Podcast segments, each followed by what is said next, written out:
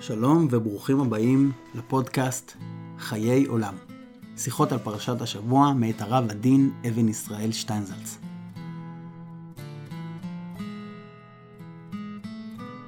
הפודקאסט מופק בסיוע מרכז שטיינזלץ, הם עושים דברים מעניינים וחשובים בתחום הוראת היהדות והפצת המעיינות. אתם יותר מוזמנים להיכנס לקישור המצורף, להתרשם ולהצטרף לפעילות הענפה. תודה שאתם איתנו. האזנה נעימה.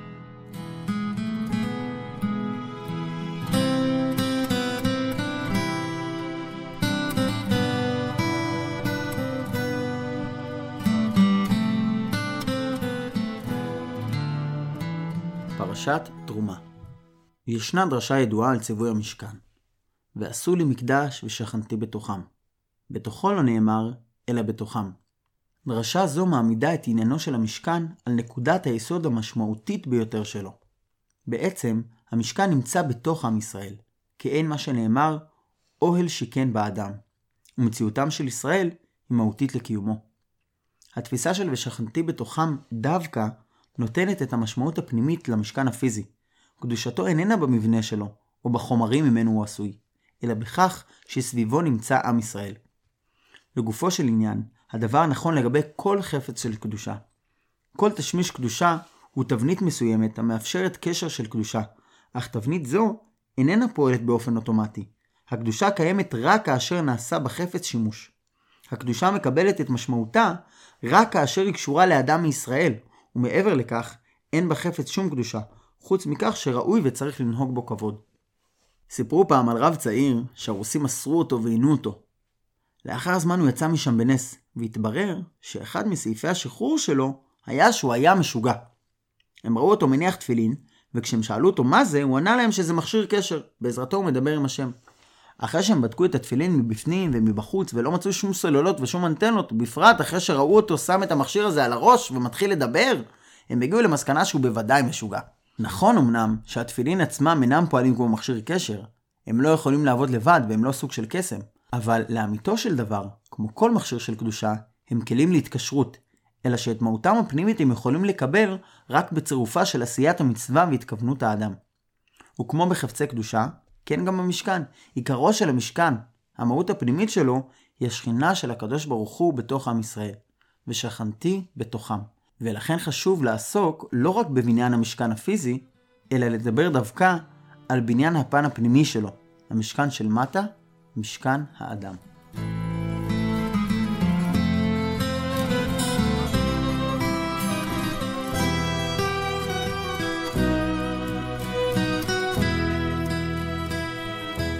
ממה בונים את המשכן?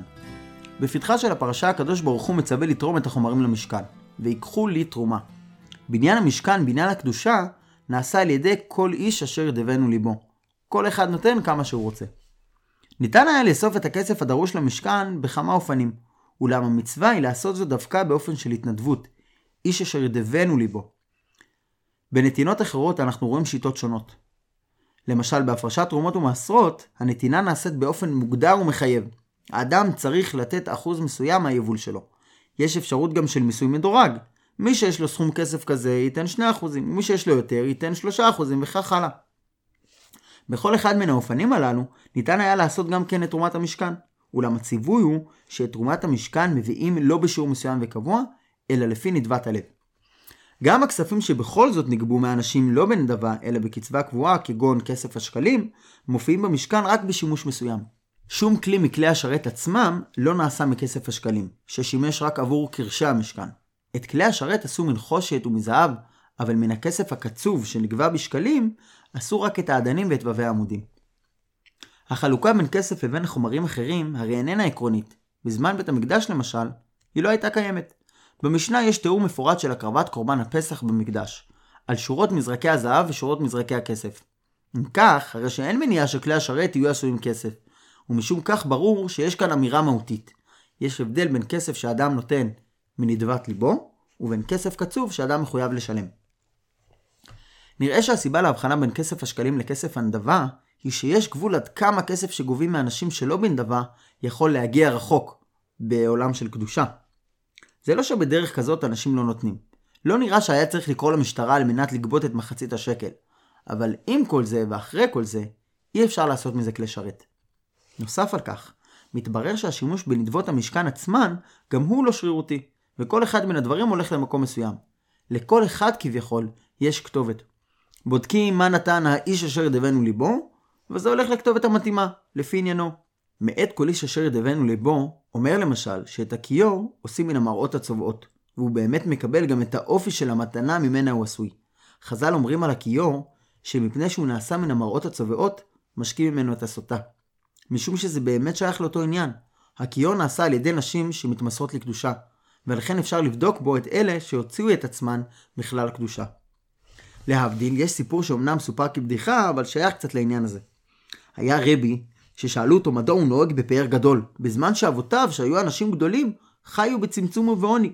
והוא ענה, יש אדם שנותן פדיון נפש לשם שמיים וקדושה יתרה, והוא רוצה שזה יהיה באמת כופר לנפשו. כשהרבי מקבל מתנה כזו, הוא משתמש בה רק למצוות ממש, לתלמוד תורה ולצדקה.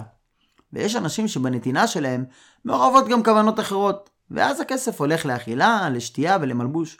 אולם, יש דברים שאנשים נותנים מפני שהם רוצים לשחד. אם לא את הרבי, אז את הקדוש ברוך הוא. ובכסף כזה אפשר להשתמש רק בשביל סוסים. החסידים של הסבא שלי היו בעיקרם אנשים קדושים, ורוב הכסף שנתנו היה לשם שמיים. אז הוא הלך לצדקה. החסידים שלי, ברובם הם מהמין הזה, שבכסף שלהם אפשר לקנות רק סוסים. אותו עניין בעצם כתוב גם פה. לכל נתינה יש אופי מסוים התלוי במהותו של הנותן, וזה קובע את הכתובת אליה הולכים הדברים. בתוך התוכניות של המשכן ישנו סדר מפורט. יש את מה שהולך להיות על הגג ואת מה שנמצא על הרצפה, יש את הדברים שנמצאים בקודש פנימה, ויש את אלה שנשארים מבחוץ. כל אחד מהדברים מקבל תפקיד מיוחד לפי הנותן.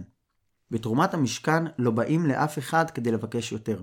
אם נדבו ליבו של אדם לתת חתיכת עץ, אז הוא איש של חתיכת עץ, וכנראה שזה הדבר אותו הוא ראוי ויכול לתת. משום כך שואלים כל אדם, מה הוא, לפי מידותיו, רוצה לתת. אדם יכול לומר, אני רוצה לתת זהב, ובאותה מידה יכול לומר, אני רוצה לתת חתיכת עץ. יכול להיות אדם שנותן שלוש פרוטות נחושת. אז הוא אדם של שלוש פרוטות נחושת. אדם אחר יכול לתת את אורות התחשים, או את אבני השוהם.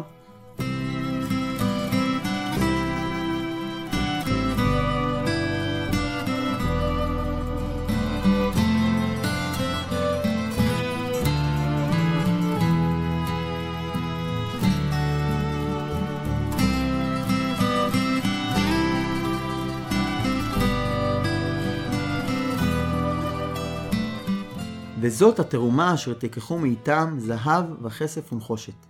כיוון שזו תרומה, אין מתנה מסוימת שאפשר לדרוש מכל האנשים בשווה. אדם צריך להעריך את עצמו, ולכן כל אחד נותן תרומה אחרת. כשמסתכלים על רשימת התרומות, אפשר לראות שמצד אחד היו שנתנו את אבני החושן, שבגודל בו הן צריכות להיות, ודאי שחלק מהן היו יקרות מאוד. ומן הצד השני, היו שנתנו מתכלת וארגמן ועד לעיזים, ששערה נחשב לפחות ואפילו מצמר כבשים. הדבר הגס ביותר שעדיין נכלל בגדר בגד הוא שיער עיזים. ההבדל בין המתנות הוא בשאלה כמה האדם מוכן לתת. וכנראה שהשלמות של המשכן דורשת את כל סוגי הדברים. היא דורשת את העיזים, והיא דורשת את הכסף הגדול, היא דורשת דברים שצריך לחפש אותם במטמונים, ושצריך לחזר אחריהם בכל העולם, והיא דורשת עצי שיטים שכל אחד יכול לאסוף ליד הבית. אין לאנשים מידה אחת שאפשר למדוד באותו אופן. המבנה של המשכן מבוסס על כך שהכלל השלם של עם ישראל בונה אותו. וכל אחד יכול לתת את חלקו, מהחומרים הכי פשוטים עד ליקרים ביותר. אי אפשר לתבוע מאף אחד, מפני שאי אפשר לדעת מה החלק שיש לו בבניין, וזה מה שיוצר את ה"ושכנתי בתוכם" בצורתו הנכונה ביותר. בגמרא נאמר שאין עניות במקום השירות. אז בשביל מה הקדוש ברוך הוא צריך צמר עזים שעושים ממנו שק? הרי אפשר היה לקחת שלושה כיסויים של תולעת שני, ומעליהם עוד שלושים אורות חשים. כנראה שהמשכן בנוי דווקא על מכלול הדברים שיש בתוך האנשים, על מידת לבבו של כל אחד ומה שביכולתו לתת. הקטנים והגדולים, העשירים והנדיבים. מהצירוף של כולם יחד, מלמטה עד למעלה, נהיה מקדש. ובמכלול שנבנה, נמצא ושוכן כבוד השם יתברך. שבת שלום.